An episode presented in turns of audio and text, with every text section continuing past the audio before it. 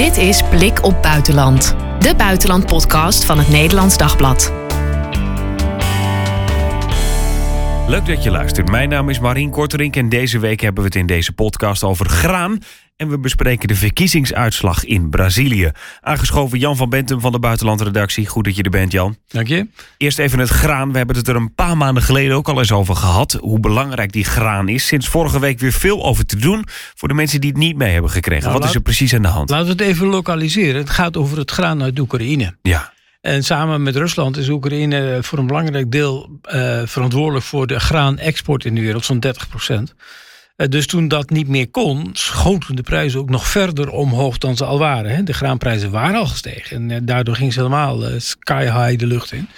Wat voor heel veel mensen in armere landen tot enorme problemen leiden. Landen die vooral een belangrijk deel van dat graan afhankelijk zijn. Egypte, Libanon, maar ook Kenia en dat soort plaatsen. Nou, je hebt een, uiteindelijk na maanden getouwtrek, met name Antonio Guterres, secretaris-generaal van de VN, was daar heel actief in. Is er een akkoord gesloten onder leiding van Turkije die separate akkoorden en, en, documenten tekenden met Rusland en met Oekraïne. Het is exact hetzelfde document, maar ja, ze tikten het met elkaar aan tafel zitten. Dus eerst tekende Rusland en toen tekende Oekraïne het, uh, hetzelfde verdrag. Waar onder Turks toezicht toch weer graan kon worden geëxporteerd uit Oekraïne. Dan moet je je voorstellen dat de schepen voor ze naar Oekraïne gaan... eerst uh, in Turkije worden gecontroleerd als ze geen wapens brengen... en als ze uit Oekraïne gaan worden ze nog eens een keer gecontroleerd. Maar daar zijn ook Russische uh, opzichters bij, net zo goed als Oekraïense en, en, mensen van de Verenigde Naties. En de Russen die hadden al een, beetje de boel verstierd. Dus er lagen 160 schepen te wachten, volgens berichten afgelopen week, op goedkeuring. Vol met graan. Nou, daarna zei Rusland, uh, onder het mom dat Oekraïne massale droneaanval had uitgevoerd op de Zwarte Zeevloot in Sebastopol dat ze het graanakkoord op zouden zeggen, niet meer zouden verlengen. Ja, dus, dat was voor een bepaalde tijd afgesproken, ze zouden er niet meer aan meewerken. Dus die regeling waarvan jij zegt van hè, dat, wat ze hadden ja. afgesproken, dat was passé. Passé. En, en dat was dan ook dat je dus de speciale corridor richting Oekraïne kon varen en daar zou Rusland dan niet aanvallen. Turkije en de VN en ook Oekraïne hebben gezegd: het kan niet, we gaan gewoon door. Rusland heeft gereageerd, ja, dat is best dat jullie het afspreken, maar we kunnen geen enkele garantie geven, want wij waren hier niet bij betrokken. Desalniettemin zijn er toch een aantal schepen vertrokken vanuit Turkije richting Oekraïne. En maandag vertrokken twaalf schepen uit Oekraïne richting Turkije. Uh, en afgelopen maand is zelfs juist heel veel graan geëxporteerd. Zelfs een record uh, hoeveelheid van meer dan 350.000 ton uit Oekraïne richting de wereldhandel en ook naar armere landen. Wel dat laatste. En daar zit wel een element wat, wat misschien meespeelt in de Russische besluitvorming. Maar een klein gedeelte van al dat graan, zo'n 6% volgens sommige berichten, is naar echt landen in nood gegaan. Bijvoorbeeld via het Wereldvoedselprogramma. De rest was natuurlijk al via contracten gekocht. Dus heel veel ging via die contracten nog weer de wereldmarkt op. Ja. Daardoor daalde de prijs. En ook dat helpt natuurlijk landen die daar heel erg mee te maken hebben. Ja. Dus hoe je het ook went of keert, dat Oekraïnse graan was gewoon hartstikke belangrijk. Maar het bracht ook geld in het laadje in Oekraïne. En als meneer Poetin... In Oekraïne? Ja, natuurlijk. Als jij graan verkoopt op de wereldhandel, komt er geld voor binnen. En, en zeker met de prijzen die golden was dat uh, niet, niet uh, al, te, al te beroerd voor Oekraïne. A, de, de, één, Rusland exporteert ook graan en profiteert ook van die hogere graanprijzen. Ja, want wie heeft daar het meeste baat bij? Dat vroeg ik me af. Maar Rusland exporteert jaar zoveel graan als Oekraïne, dus in wezen profiteerden die mee. Maar goed, dat speelt hier niet zo'n rol. Wat wel een rol speelt, is dat Poetin en de zijnen natuurlijk absoluut willen voorkomen dat de economie van Oekraïne op wat voor manier dan ook overeind blijft. Dus je ziet dat het opzeggen van de graandeel naar aanleiding van die, die, die vermeende grote aanval op die, die Zwarte Zeevloot van Rusland door Oekraïne. Dat het gepaard ging met massale raketbeschietingen op Oekraïnse steden en ook uh, dammen in, in stuwmeren voor hydroelektrische uh, centrales. Om energie op te wekken. Om energie op te wekken. En de hoofdstad Kiev maandag, na al die aanvallen, was 80% van de stad had geen elektriciteit meer. En ook geen water meer. Dus dan heb je geen toilet, je hebt geen drinkwater, je hebt geen stroom, je hebt geen niks. Ja. Dat, dat is dus de combinatie waarmee gespeeld wordt. Het gaat niet alleen maar om het graan, het gaat over die totale economische, dat totale economische potentieel van Oekraïne moet voor de winter de nek zijn omgedraaid. En toch nog even om dat wat, wat duidelijker te maken. Ehm, eerst was er al maandenlang, ging dat dus goed met die graandeal? Maar nou, maandenlang, zo gek lang bestaat die deal nog niet. Nee, dit, maar een paar maanden is dat een goed paar maanden is dat goed gegaan. En wat maakt, is, is dan, de Russen zeggen dat komt door die aanval van de Oekraïners. Is dat ook echt de reden of is er iets anders? Nou ja, je zag een, die, die, die, dat oponthoud bij, bij de Bosporus, hè, die, die, die zeestraat dwars door Turkije heen waar al die schepen er langs moeten. Daar zag je al dat Rusland begon te mokken. Uh, dwars zat. En... Ehm, ja, het, was natuurlijk een deal die onder heel veel internationale druk tot stand was gekomen. En ook uh, tot stand kwam een dag, echt letterlijk een dag, voordat de, de uh, Russische minister van Buitenlandse Zaken naar Afrika ging. Waar deze minister, Lavrov, mooi sier maakte met die deal die ze net hadden gesloten. Dat ook verkondigde op de Afrikaanse Unie. Dat Rusland daarvoor verantwoordelijk was en dergelijke. En de Afrikaanse Unie heel blij. Want ja, dat graan is belangrijk. Voor veel Afrikaanse landen ook. En nu zie je dus dat een paar maanden later Rusland alsnog die deal weer de nek omdraait op deze manier. Ja. Uh, want dat politieke moment is verdwenen. is voorbij. Ja. de, de gesprekken zijn geweest, er zijn verdragen gesloten, er zijn afspraken gemaakt over uh, investeringen, Ruslandse, uh, Russische investeringen, in, in, bijvoorbeeld in Egypte, helpen bij het bouwen van een elektriciteitscentrale, kerncentrales, you name it.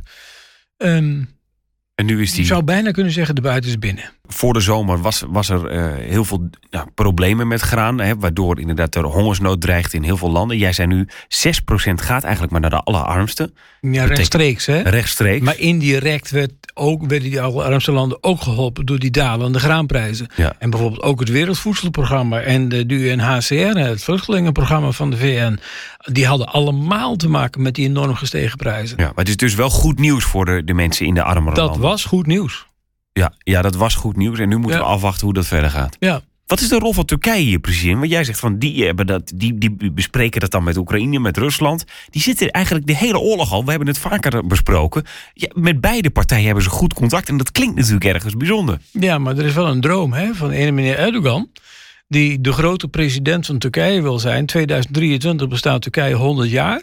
Dat wil hij vieren als de grote man die Turkije weer groot heeft gemaakt. En Turkije kan dan in deze bemiddelingsrol de eigen positie ook nog eens onderstrepen. Kijk, zelfs Rusland kan niet zonder ons. En Oekraïne ook niet. Het lukt de Europese Unie ook niet. Zelfs de VN kan niet om ons heen. Ja, een simpele feit doet zich ook voor dat Turkije natuurlijk uh, dat beheerst de Bosporus. Ja, nee, die Bosporus dus is strategisch natuurlijk enorm belangrijk. Je komt de Zwarte Zee niet in of uit uh, dan door die zeestraat. Er is geen andere manier. Dus er zijn ook afspraken van hoeveel eh, oorlogsschepen bijvoorbeeld daar in en uit mogen. Dat is een afspraak die al dateert uit de, uit de tijd voor de Tweede Wereldoorlog zelfs. En uh, ook daar heeft Turkije het toezicht op. Ja. Nou, deze week gaat het veel over graan. Dat lees je dan overal. Zijn er eigenlijk meer producten waar dit soort dingen bij spelen? Van hè, wat mag, wie, wie mag dat vervoeren en wie bepaalt dat? Uh, Turkije geeft aan, dit mag wel en dit mag niet. Nou ja, in, in, uh, natuurlijk mochten uh, contrabanden, zoals dat dan heet, als wapens en dergelijke, dat werd uitgesloten. Maar je hebt nu, ook naast graan heb je ook plantaardige olie die op die manier wordt vervoerd dat gaat dan niet over dat soort gigantische tonnages. Hè, dat soort grote aantallen schepen, maar toch nog wel behoorlijk wat. Uh, ook dat is belangrijk. Plantaardige olie, voedingsolies. Uh, en, en ja, ook daar waren wel afspraken over. Hoe dat exact gaat, dat is in de berichtgeving even wat minder naar voren gekomen. Dan moet je in de details uh, duiken. En daar moet je voor naar Istanbul op dit moment even. Ja, maar het is vooral graan dus eigenlijk. Het is, nu speelt het om graan. ja. Uh, die oorlog gaat ondertussen nog steeds door. Zijn er andere dingen die afgelopen weken op zijn gevallen? Eén, het, het front blijft redelijk stationair. We hebben het al eerder gehad over de herfst, maar die is er nu echt. Hè? Dus de, ook Oekraïne heeft er flink last van. Hier nog niet echt, maar daar wel. Echt. Daar wel, ja. En, en met name dat dus de, het terrein modderig wordt. Uh, twee is dat het gaat vriezen. Nou, en die combinatie van die Russische aanvallen en de intrede de winter, die maakt het heel erg zwaar voor Oekraïnse burgers. 80% eh, elektriciteit en water in Kiev bijvoorbeeld. Ja, nou ja, goed. Vorige week um, er waren best al, al, al aanwijzingen dat Rusland verder zou gaan met dit soort, wat dat dan zelf strategische aanvallen noemt. Er was opvallend weinig over maandag uh, en, en, en dergelijke op de Russische staatspers te vinden. TAS had maar een heel klein berichtje bijvoorbeeld. Het Russisch-talige RIA wat meer. En het Russische ministerie van Defensie zei dat uh, alle doelen die bereikt moesten worden, zijn, waren bereikt. Nou, dat is apart, want Oekraïne zegt dat het zo'n 80% van alle afgevuurde raketten en kruisraketten uit de lucht had weten te halen. Ook dat is een groot vraagteken. Uh, maar het is wel over heel Oekraïne verdeeld. En, en, ja, Rusland beschikt dus nog duidelijk over die middelen. Dat is wel even een, een groot vraagteken voor de komende winter. Hoe gaat dit door? Ja. Dat doet Rusland dus uh, richting Oekraïne nog steeds. Uh, nou, beschuldigt Rusland Oekraïne, dus dat noemden we net, van uh, droneaanvallen allemaal, droneaanvallen op de Zwarte Zee. Gebeurt dat ook daadwerkelijk? Uh, dat gebeurt ook, ja. Niet op de grote schaal zoals Rusland dus claimde, maar er zijn aanvallen, inderdaad. Die waren al eerder geweest, ook op basis van de Russische vloot, maar ook op andere basis van de Russen op de Krim. Oekraïne beschikt over wapens en ook drones die op die afstand kunnen opereren. Denk aan die brug die werd opgeblazen. Hoogstwaarschijnlijk door een Oekraïne. Bij de Krim. Ja, nou, tussen de Krim en Rusland. Nieuwe brug. Uh, hoogstwaarschijnlijk door een, uh, nou ja, een, een waterdrone, zeg maar. Wij stellen ons drones altijd voor als die vliegende dingen. Ja. Maar je kunt natuurlijk ook een onbemande drone uh, een, als boot hebben. Een drijvende drone. Een, ja, een boot vol gepakt met explosieven die je tot onder de brug laat varen en dan de lucht laat ingaan. Werkt prima hoor. Ja, dat blijkt. Ja. Als ze er daadwerkelijk dan achter zitten. Nou, dat is, dat is wel vrij waarschijnlijk, ja. Oké. En vallen ze ook nog echt Russisch grondgebied aan? Nee, eerder andersom. Um, er zijn hele sterke dreigingen van Rusland richting Moldavië. Dat is een staat ten zuiden van de Oekraïne. Klein, arm, heel erg afhankelijk van Europese hulp en van Russische gas. Gazprom had de gastoevoer al aardig afgesneden, want Moldavië zou niet voldoende betalen. Um, nu blijkt dat de Russische aanvallen zo dicht bij Moldavië zijn dat onderdelen van een neergehaalde raket van de Russen hè, dus door de Oekraïne de lucht gehaald, die kwamen in Moldavië neer. De vraag is, vliegen de Russen al over Moldavisch luchtgebied bijvoorbeeld? En um, nou, er zijn wel meer dreigementen van Rusland tegen, uh, tegen Moldavië. Uh, die zijn de afgelopen weken toegenomen. Dus dat is een, een nieuw, nieuw zorgpunt, ook in Europa. Ja, want wat kan het achterliggende verhaal daarbij zijn? Nou, in Moldavië zit dus een, een, ook een separatistische uh, uh, regio, Transnistrië, dat ligt tegen Oekraïne aan.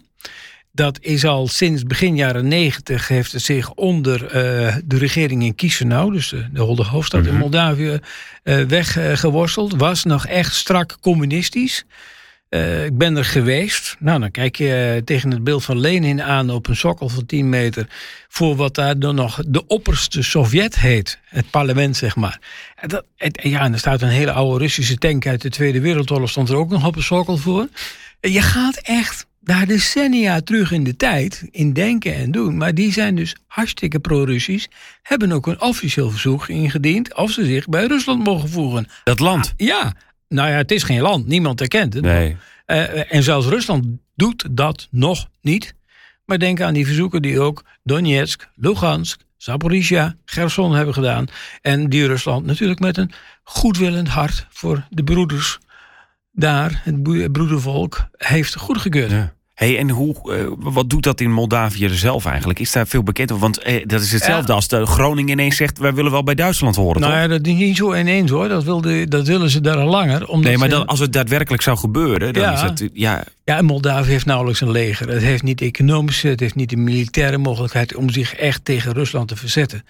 De enige optie is dat de Europese Unie stevige politieke uitspraken daarover doet. Want ook, ook Europa gaat er niet voor ten strijde. voor Transnistrië. Nee. Dat, eh, die kans is zeer klein. Dat gaat, eh, ik bedoel, dat, dat speelt bij wijze van spreken nog langer dan Donetsk en Lugansk. Maar je kunt wel achter Moldavië gaan staan van blijf daar met je tengels van af. Nou, dat heeft de Europese Unie ook wel gedaan. Eh, maar ja, Moskou is nog niet echt de meest luisterende partij in dit conflict. En ehm, even om het goed te begrijpen. Als eh, Transnistrië, de mensen die daar wonen... graag bij Rusland eh, willen horen... is de andere groep van Moldavië die dan ook denken... joh, als jullie dat graag willen, eh, ga er lekker bij... als je maar niet met ons bemoeit? Of hoe, hoe zijn die verhoudingen? Die, waren die, andere partijen waren heel erg met zichzelf bezig. Want ook daar had je een.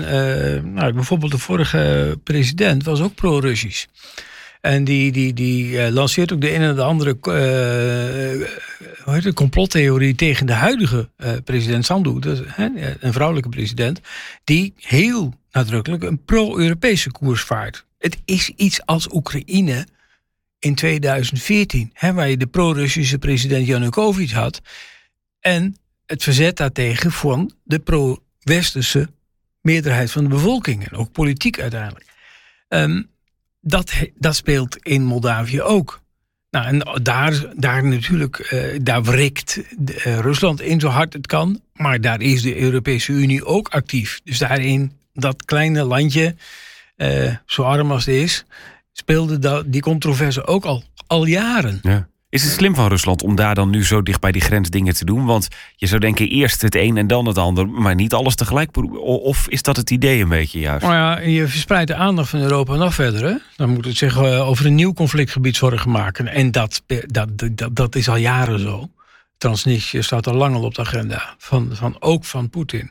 Het is ook een gebied wat hij genoemd heeft als iets wat. Nou ja, de Russen hebben daar bijvoorbeeld nog een munitiemagazijn uh, liggen. Dat dateert uit de jaren van, van en vlak na de Tweede Wereldoorlog.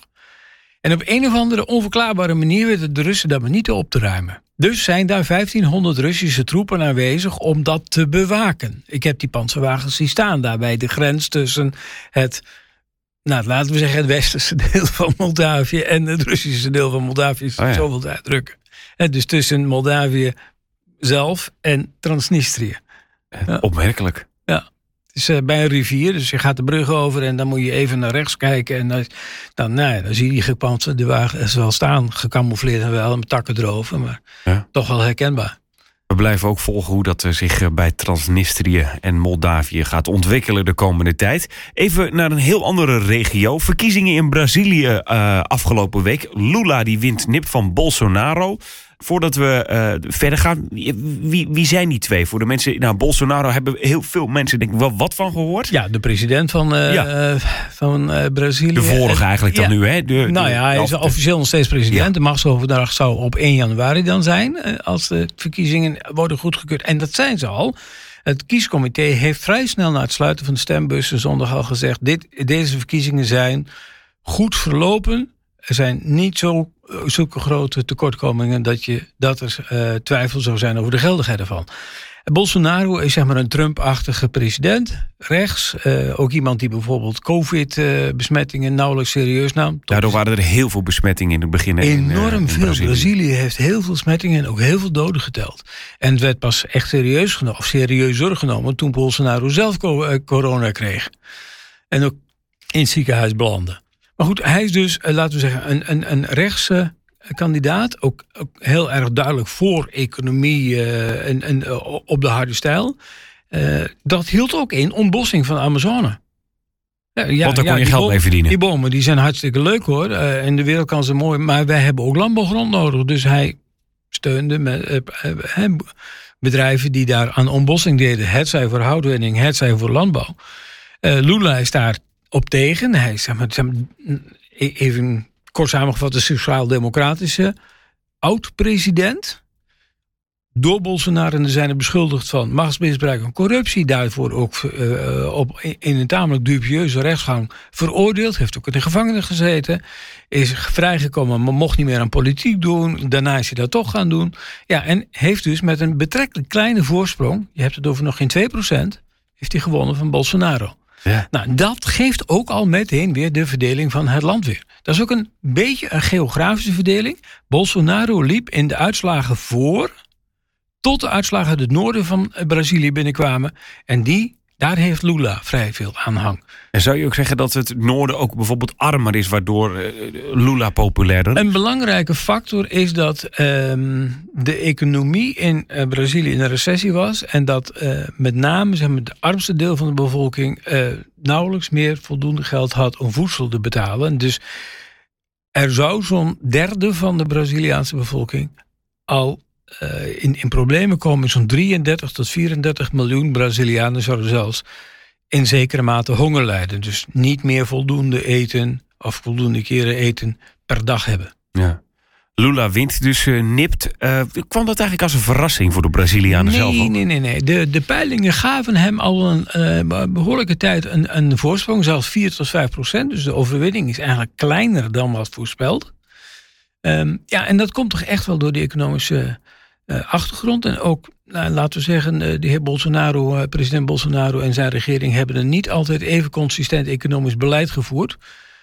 waar wel veel mensen dus hun twijfels bij hadden. Dus het is ook niet alleen een politieke, maar ook een economische overwinning van Lula.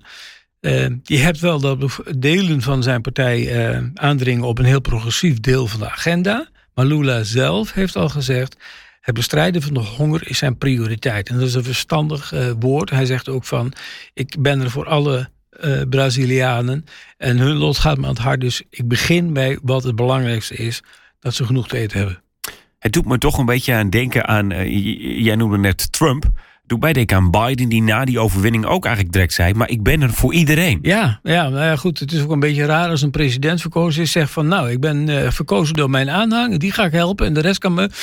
Nee, klopt. Maar in een gepolariseerde situatie denk je natuurlijk van... mijn persoon heeft gewonnen en nu gaat het voor mij vooral misschien wat opleveren. Ja, maar zelfs Trump zei dat niet. Nee, nee dat klopt. Dat is waar, ja. Maar dus- zijn die situaties te vergelijken als in qua meer van hoe ze, hoe ze daar ook tegenover elkaar stonden, Trump en, uh, en Biden, en dat dat hier eigenlijk ja, ook zo was? Ja, ja, er zitten wel duidelijk parallellen tussen. Uh, je, hebt, je hebt een aantal. Kijk, Bolsonaro was een beetje een semi-autocraat in de stijl van Trump en van Orbán in Hongarije, deels ook van Berlusconi. Uh, in, in Italië in de tijd. Um, heel erg op de persoon gericht. Uh, Lula daarentegen heeft wel een persoonlijke overwinning behaald, maar had een minder persoonlijk getint op, zijn, op zichzelf gerichte campagne. Daar zit wel een verschil in. Dus de een heeft het meer over ik kan Brazilië redden en leiden, Bolsonaro, versus de Brazilianen moeten weer genoeg te eten hebben. Daar moet het om gaan. Persoon versus partij ook een Deels beetje. wel, ja. Ja, ja, ja. versus inhoud. Ja. Wat, wat staat Lula te wachten eigenlijk? Als is het, het lijkt me ook een ingewikkelde situatie als het ongeveer 50-50 is. Da, da, dat is één. Dus uh, het wordt lastig om uh, permanente meerderheid te hebben in het parlement voor jouw plannen en voor jouw regering.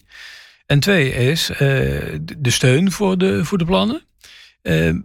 ook onder de bevolking. Als je arme mensen wilt helpen, dan zal dus een deel van de rijkere, zeg vaak stadsbevolking, eh, daaraan moeten meebetalen. Dat zal zich moeten gaan vertalen in belastingmaatregelen. Nou, die zijn bij niemand populair. Uh, het is ook een man van 77 jaar. Dat wil zonder te denigrerend te willen doen.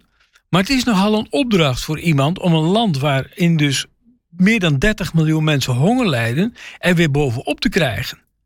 En ja, hij heeft ervaring en hij heeft, uh, hij heeft een harde tijd gehad. Uh, als je in de gevangenis zit, dat is over het algemeen geen pretje, ook niet in Brazilië. Dat heeft hij allemaal doorstaan. Dus uh, ja, welke veerkracht die man heeft, dat zullen we zien als hij straks beëdigd wordt. Is dit ook goed nieuws voor de democratie? Want mensen maakten zich de afgelopen jaren wel zorgen over ja, Bolsonaro, die eigenlijk wat meer dictatoriale trekjes zou hebben. Nou ja, dat is. Je kunt zeggen, het belangrijkste van de democratie is dat het een corrigerend, een zuiverend vermogen heeft.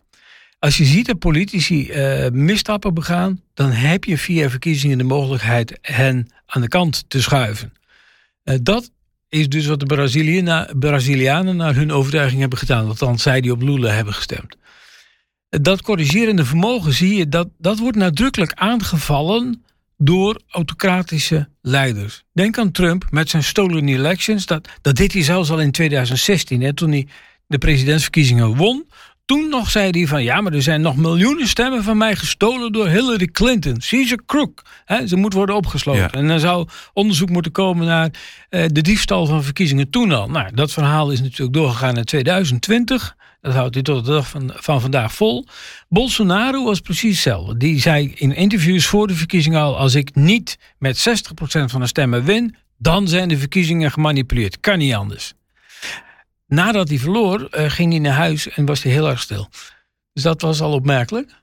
Um, ja, je, je, hoort dat die, die, die tamboer wordt steeds harder opgedrumd door mensen die de macht persoonlijk aan zich willen binden. Als ik niet win, dan is er iets mis met de verkiezingen. De vraag is, en ja, dan zou je een psycholoog erbij moeten hebben, van als dat soort mensen in de, aan de macht is geweest, denk aan Trump, denk aan Bolsonaro, denk aan Orbán, in hoeverre, en zelfs misschien als je nog een stap verder wil doen, Poetin.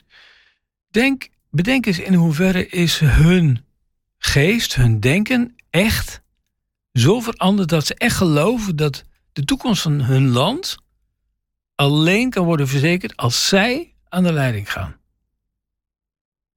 Absolute macht corrumpeert absoluut, zeg maar. Ja. En dan, dan is er geen plek voor iemand of iets anders naast hen. Ja, en daarom vind ik het ook altijd zo interessant wat er dan gebeurt als ze dus verloren hebben. Ja, want, nou want Trump, nou, dat hebben we eerst gezien, die ging roepen, vloeken, tieren, schelden. Uh, en, en, en later zei hij van, ik ga het opnieuw proberen. Ja. Nou, uh, dat, of dat gaat gebeuren, dat en, gaan we achter. En heeft bijna letterlijk opgeroepen om allemaal naar het kapitool te gaan. Van, uh, om, om daar de patriotten te steunen die op dat moment zouden bezig zijn. Hè, denk aan de, het tellen van de uitslagen van, van de verkiezingen per staat. Dat Mike Pence, de vicepresident, moest doen.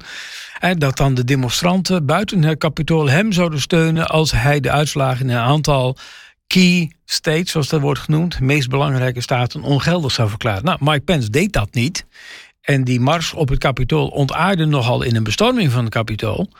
Um, ja, ja dat, dat is wel een, een, een schrikbeeld natuurlijk voor democratische landen. Van hé hey jongens, als je, stel je voor dat het parlement wordt bestormd door, door een paar duizend Nederlanders als de uitslag van de verkiezingen hen niet uitstaat. Ja. Maar kan dat in Brazilië nu ook gebeuren? Bolsonaro, dat hij ook een beetje zo gaat doen? Of verwacht jij dat niet? Oeh, um, pittige, pittige demonstraties zijn wel een Braziliaans uh, aangelegenheid. Dus het zou kunnen zijn dat bij wijze van spreken, als je officiële momenten krijgt van beëdiging of officiële momenten van uitslagen, dat dat. Uh, ja, ik denk niet alleen zeg maar, dat de kiescommissie nu zei van ja, de verkiezingen zijn goed verlopen, maar dat je dus ook de officiële bekrachtiging krijgt van de uitslag van de verkiezingen dat hij dan oproept tot protesten. Maar uh, op het moment dat wij hier achter de microfoon zitten, is hij nog uh, erg stil. Ja, en in dat soort dingen is zijn media belangrijk. En jij hebt deze week ook nog geschreven over Elon Musk, die Twitter heeft overgenomen. Daar was Trump natuurlijk ook veel mee bezig. Ja, Trump was de, de, de, de, de chief Twitterer, zo werd hij wel ja. genoemd. En uh, is van Twitter afgeschopt na 6 januari, na die aanval op het Capitool. Um, er was toen veel discussie over. Hè? Mag hij wel verbannen worden? Ja, et ja, ja. En, en, Elon Musk was daar bijvoorbeeld tegen. Elon Musk vindt dat er een totale uh, uh, vrijheid van meningsuiting moet zijn op een platform als Twitter. Dat heeft hij vaker uh, verkondigd. Ehm, eerder dit jaar zei hij van ik ga het kopen. noemde ook een fors bedrag daarvoor, 44 miljard dollar. Dat is nu gelijk aan 44 miljard euro. Moet je even bedenken, er zijn 8 miljard mensen op de wereld. Ja. Dat is 50 Nee, 5 uh, dollar, 5 euro ja. per persoon op heel de aarde. Ja, ongeveer 44 miljard. Wat je er allemaal met ja. het geld kan doen. Ja, nou maar, ja, goed. Hij heeft er dus voor moeten lenen. Er zijn ook grote investeerders achter. Hij heeft een deel van zijn uh, aandeel in, uh, in Tesla ervoor klaargezet. persoonlijk vermogen ingezet. En heeft Twitter overgenomen ja. vorige week. Ja, en we... meteen ook maar de leiding ontslagen. Ja. Want we hebben het dan over Trump, Bolsonaro. Maar je zou ook kunnen zeggen, zijn dat soort reguliere leiders nog wel degenen die het bepalen in de wereld? Of Nou zijn ja. dat meer inderdaad de, de, de techgiganten? Die deden dat niet uh, in de zin dat ze zeiden wij willen het bepalen. Hè. Denk aan uh, bij Facebook bijvoorbeeld, uh, waar Zuckerberg zei van ja nee, maar dat, zo gaat het niet. Maar Musk is daar heel openlijk over. Hij zegt joh, luister eens, de wereld, de mensheid, ik doe dit voor het, voor het, het welzijn van de mensheid, zei hij. Die zegt letterlijk. Want de, de, de mensheid heeft een marktplein nodig waar je met elkaar kunt discussiëren. Dus een wereldmarktplein, dat moet Twitter worden. Maar dat, dat zijn ook allerlei leuke woorden. Hè?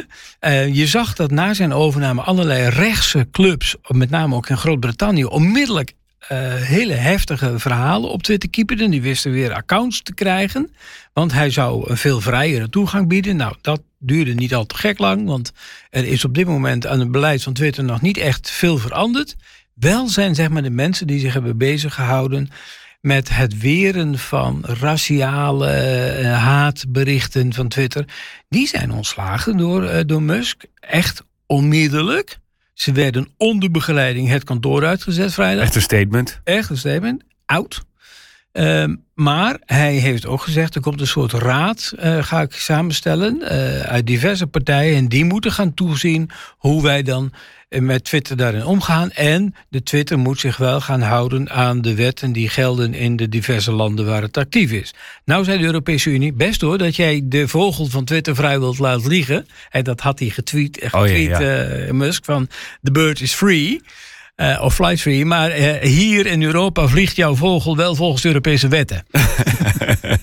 dus dat kan best een harde clash worden. Want de uh, Europese Unie heeft behoorlijke clashes achter de rug met die grote techmagnaten als Google, ja. als Facebook. En wellicht nu ook met Twitter.